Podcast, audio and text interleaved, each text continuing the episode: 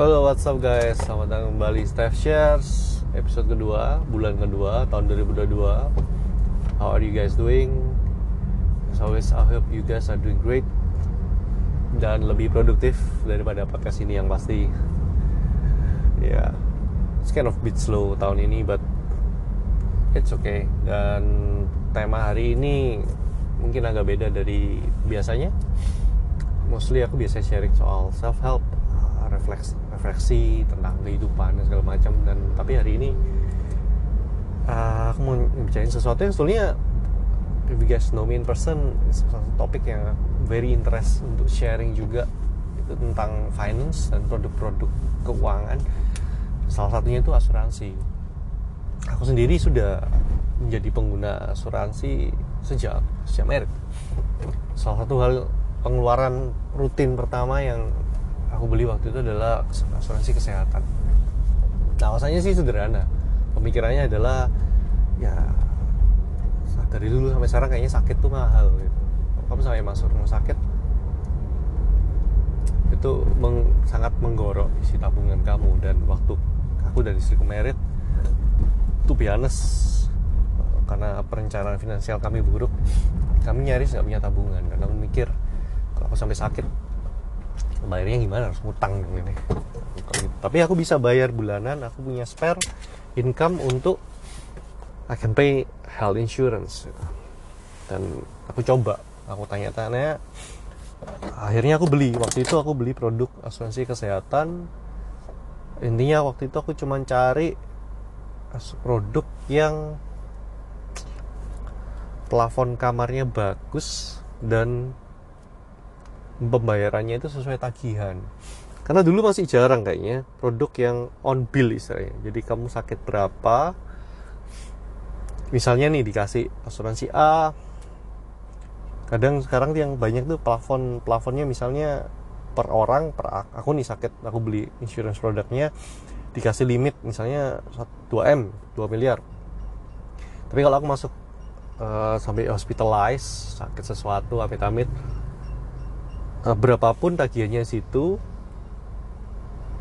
gampangnya nanti di cover yang berkurang adalah plafonnya yang 2, 2 M tadi 2 miliar tadi. Tapi misalnya sakitnya habisnya berapa ratus juta pun ya selama masih plafonnya masih ada dia cover. Dan aku waktu itu mencari yang seperti itu atau at least yang sedekat mungkin dengan itu. Dan yang ada pilihannya itu kalau nggak semua hampir semua itu unit link product gitu dan fast forward hari ini aku sudah nggak pakai. Karena from my personal experience ya nggak suka kinerja nggak suka kinerja investasinya. Harga preminya pasti lebih mahal ya jelas lebih mahal karena sebagian buat investment. Tapi yang paling aku membuat secara pribadi kurang suka adalah kurang cocok. I don't think I like the rate the return apa? Return rate-nya gitu loh dan kayaknya itu yang lagi rame ya ini aku baca ada berita di mana asuransi-asuransi besar di Indonesia itu banyak yang lagi diributin sama nasabahnya yang sudah jadi nasabah panjang 5 tahun 10 tahun yang tiba-tiba entah tiba-tiba atau sudah tahu sebelumnya ngecek kok nilai tunainya nilai uang yang harusnya ada di situ kok jauh ya dari ekspektasi mereka yang ekspektasinya entah dapat dari mana apakah dapat dari iming-iming agentnya dulu atau dari tafsiran terhadap ilustrasi yang diberikan gitu. Itu kayak apa? Karena kalau baca di polis kalau kita buka polisnya aku yakin yang unit link ini tidak ada janji pastinya.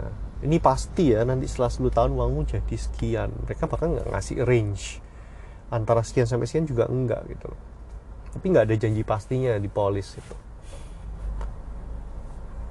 Bottom line adalah yang menjadi perjanjian antara kita misalnya kita beli sebuah polis asuransi dengan perusahaan asuransi itu bukan agentnya. Tapi polis yang kita pegang yang kita tanda tangani.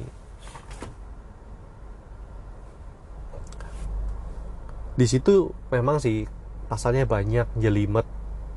Tapi kalau dibaca situ ada kok ditertulis mana yang fix mana yang nggak fix. Janji mana yang harus ditepati oleh perusahaan asuransi kepada nasabahnya. Kalau terjadi apa dia harus ngapain? Nah di situ harusnya itu.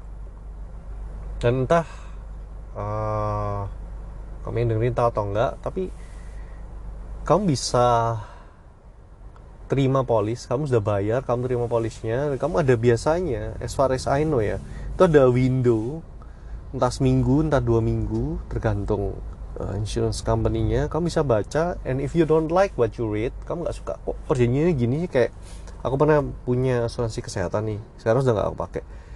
Itu memang ada klausulnya. Perusahaan asuransi itu berhak menaikkan preminya gitu dan itu memang terjadi. Jadi misalnya waktu aku join per bulannya 500 ribu gitu. Setelah 2 tahun jalan tiba-tiba surat nih pemberitahuan bahwa akan ada kenaikan premi dari 500 ribu sebulan. Jadi 530 ribu misalnya gitu. Tadi itu kok gini?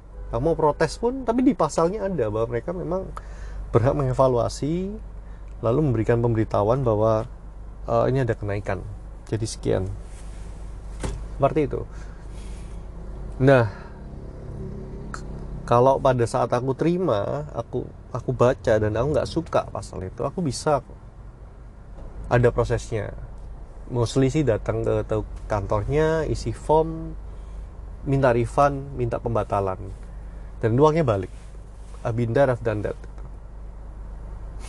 Dan yang most people nggak tahu taunya dijanjiin apa membangun imajinasi apa mau taunya beres. Pokoknya aku dijanjiin gini. Aku taruh duit sekian tiap bulan atau tiap tahun nanti setelah 10 tahun jadi sekian M. Pokoknya janjinya gitu. Nanti begitu nggak kecapean yang terjadi seperti sekarang marah. Padahal yang dijanjikan dan nggak dijanjikan soalnya ada di, di buku polis tuh ada gitu ayo aku nggak nggak sharing itu nyalah nyalahin siapa yang salah. Uh, aku pikir uh, aku cuma berharap ya ke depannya semua pihaknya makin dewasa. Yang beli makin dewasa makin ngerti kalau ya ini duit kita kan our own hard earned money gitu loh. Kalau kita taruh ke mana pun dijanjiin apa pun uh, kalau aku pribadi sih I'd like to believe that it's my responsibility ya. Kalau misalnya kemarin lah katakan investasi bodong robot-robot forex tuh loh. Atau robot kripto itu. Itu kan kita janjiin pokoknya sehari satu persen sebulan berapa persen. Kamu taruh aja dijamin aman. Begitu kalau aku pribadi ya aku taruh uangku di situ. Sejuta, dua juta, sepuluh juta, bahkan ada yang misalnya ratusan juta. Ya, it's my responsibility sih sebenarnya. Kalau misalnya terus tiba-tiba scam dan dia kabur, uangnya hangus. Uh, for me sih financially, secara finansial aku harus bisa help responsible and accountable atas keputusan-keputusan yang aku ambil kan pada waktu aku naruh duit itu aku nggak ditodong pistol kan aku cuman ditodong keinginan ke apa ya rasa ngiler rasa kepinginnya punya duit banyak dengan cara gampang dan aman. Tapi nggak dipaksa gitu. I think same goes with this. Semua uh, carut marut ribut asuransi yang ada bumbu investasinya itu I think that's that's the main problem gitu karena aku ingat betul pada saat tahun-tahun itu tahun 2010 ish ya atau ke bawah atau sedikit sekitar itu produk-produk seperti unit link yang ada investmentnya ini banyak banget dijual. Ya agent suka juga sih jualan because satu it's easy untuk iming-iming orang. Dua just in case you guys don't know yet yang produk-produk seperti itu biasanya komisinya gede dan ya agent ya aku kerjaan mereka mereka di situ untuk cari uang. Ya yang kalau ada produk yang komisinya gede ya ditawarin yang komisinya gede dulu lah. Most oh bilang semua agent seperti itu ya. Tapi I think it's easy to say bahwa most agent akan tergoda untuk lakukan itu.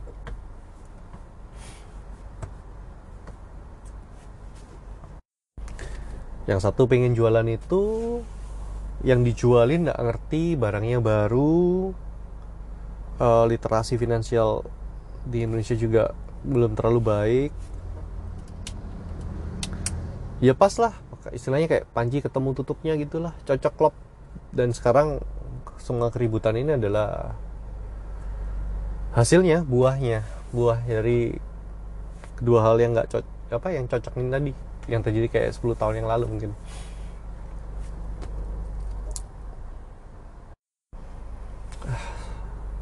kayaknya alasan utama aku memutuskan untuk membuat episode ini adalah baru-baru ini aku dengar cerita bahwa mbak di kantor itu mbak admin di kantor itu dalam tanda kutip jadi korban.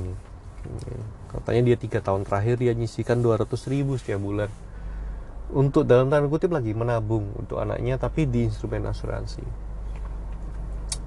Dan setelah semua ribut-ribut itu terjadi dia cek dong nilai tunai investasinya setelah tiga tahun akhirnya dia cek dan dia lihat ya nggak ada.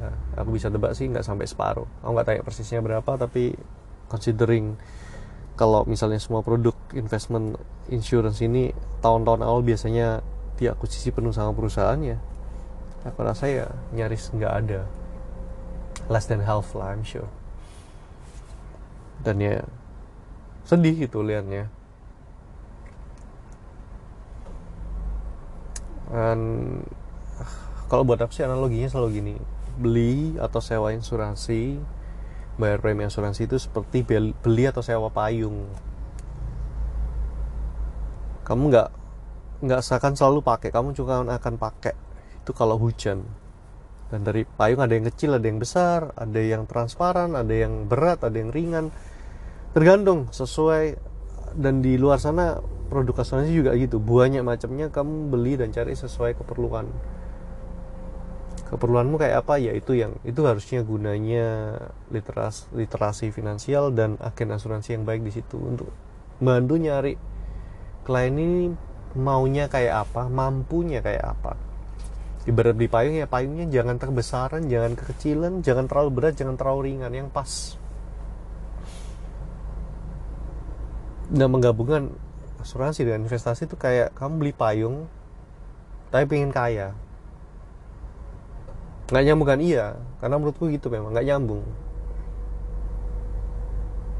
Insurance itu adalah seperti namanya terjemahnya menjamin.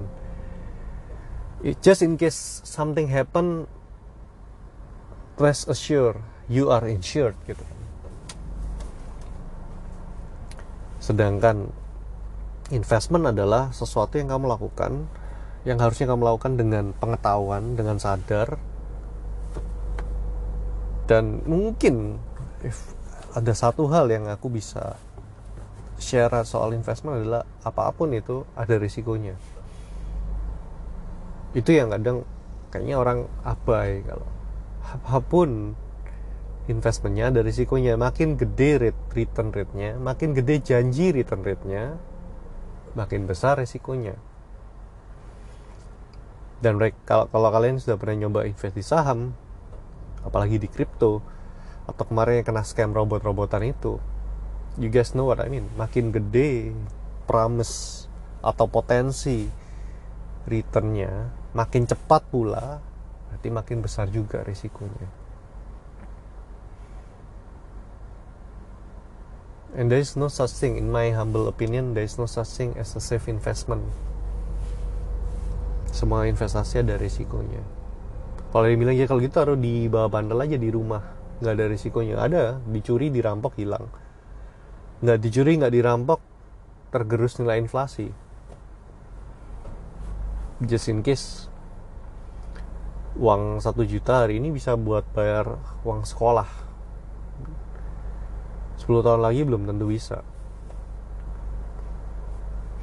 Jadi kalau apa pun bentuk investmentnya bahkan kalau kamu label taruh uang di bawah bantal itu as a form investment which is I don't think it is. Tapi kalau memang itu maunya ya itu pun ada risikonya ya tergerus inflasi. So I think soal asuransi dan investment ini adalah satu just in case ke depan mau beli asuransi atau mau beli investment nomor satu sih mau uh, my number one tips adalah maulah repot sedikit untuk cari tahu produk ini kayak apa. Mau kalau nggak mau cari tahu kamu bukan tipe orang yang riset post lah di sosmed tanya teman yang sudah pernah beli atau enggak cari testimoni lah. Cari testimoni dan jangan satu orang jangan dua orang kalau bisa agak banyak tiga empat orang terus klopkan sama hasil riset tadi. Cocok nggak kira-kira? Kalau nggak cocok dan setelah beli jangan digeletain. Aku personally aku sudah ganti produk asuransi kesehatan 4 kali. Yang aku pakai sekarang yang keempat dari 2012 aku merit 10 tahun terakhir aku beli. Aku ganti 4 kali. Yang pertama aku beli dulu is life. Terus ganti nama jadi cap life. Terus aku sempat beli punya prudensial terus aku ganti ke aksa sekarang aku pakai balik ke pru. Prudensial kenapa Steph kok ganti-ganti? Ya karena setelah aku evaluasi nggak cocok. Ah, nggak cocok aku ganti. As simple as that. Apakah semua orang harus ganti-ganti? Kayak aku enggak karena tiap orang kebutuhannya beda. Keperluannya beda. Budgetnya beda Simpel itu.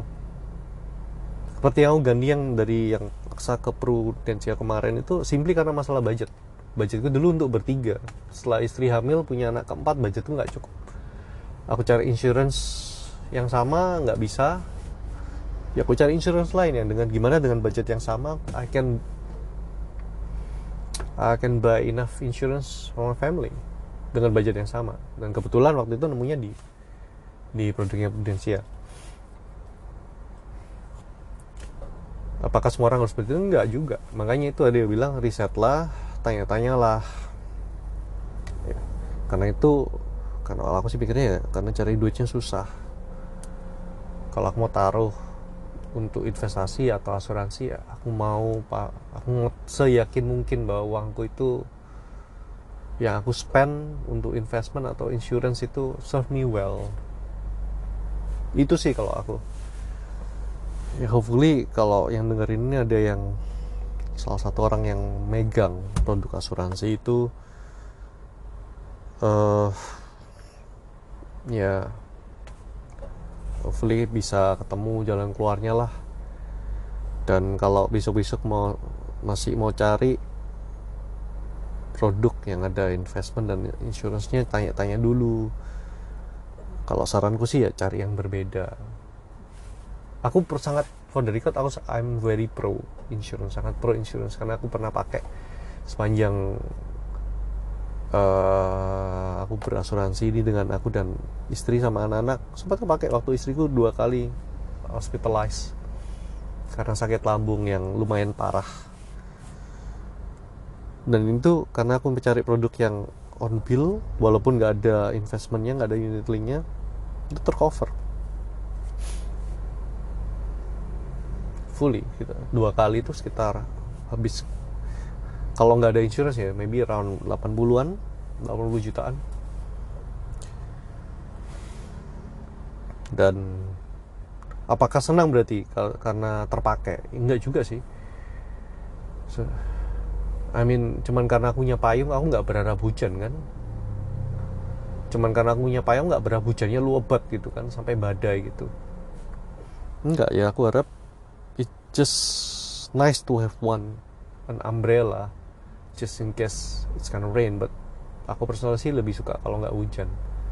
Dan yang paling pasti aku aku juga convince myself aku juga nggak akan beli payung sambil berharap auto auto cuan atau auto kaya. Itu aja deh guys hari ini. Thank you for listening. Semoga nggak kalau ada yang mau discuss soal uh, insurance stuff ini atau investment stuff boleh aja. Hit, hit me up. Like I said I, enjoy discussing stuff like this. Ini salah satu interestku soalnya. I'll see you on the next one. Uh, until then stay safe guys. Peace and out